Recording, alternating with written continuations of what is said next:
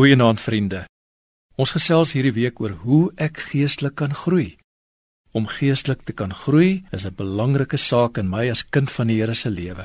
En daarvoor het ons gewoontes nodig wat ons moet beoefen om vir God ruimte te gee in my hart sodat hy deur sy gees kan werk. Vandag praat ons oor die gewoonte van volharding. Jy weet 'n maraton is gewoonlik 'n feestelike geleentheid, veral by die wegspringplek.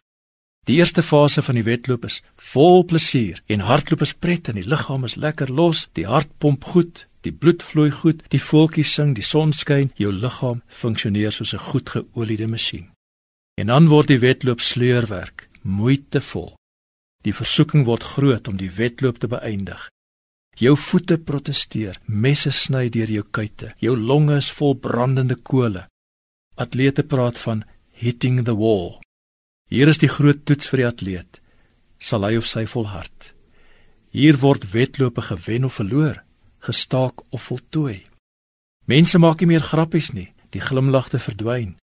Mense kom drupsgewys by die wenstreep aan. Sommige het dit nie gemaak nie. Die begin van die wedloop is genotvol. Om te volhard tot die einde toe is harde werk om goed klaar te maak. Dis die glorie van die wedloop. Die vermoë om goed klaar te maak Dit is Bybelse volharding.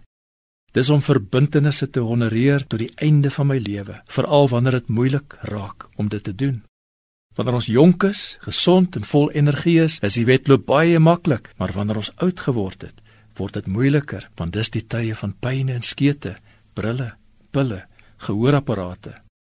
Volharding is die een gawe wat ons kan koester, want dit lei tot geestelike transformasie. Hoe ontwikkel ons uithou vermoë? Jakobus sê swaar kry speel 'n groot rol. 'n Meningsopname is gedoen waarin mense gevra is watter faktore die meeste bygedra tot hulle geestelike vorming. Die oorweldigende antwoord was pyn en lyding. Die lewe reël soms vir ons 'n bietjie pyn en lyding. God gebruik dit om my te laat groei.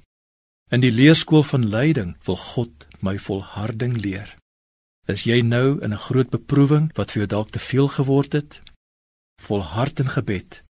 Ons kan God vertrou want hy weet wat dit is om in die donker te loop. Hy word geraak deur sy kinders se pyn.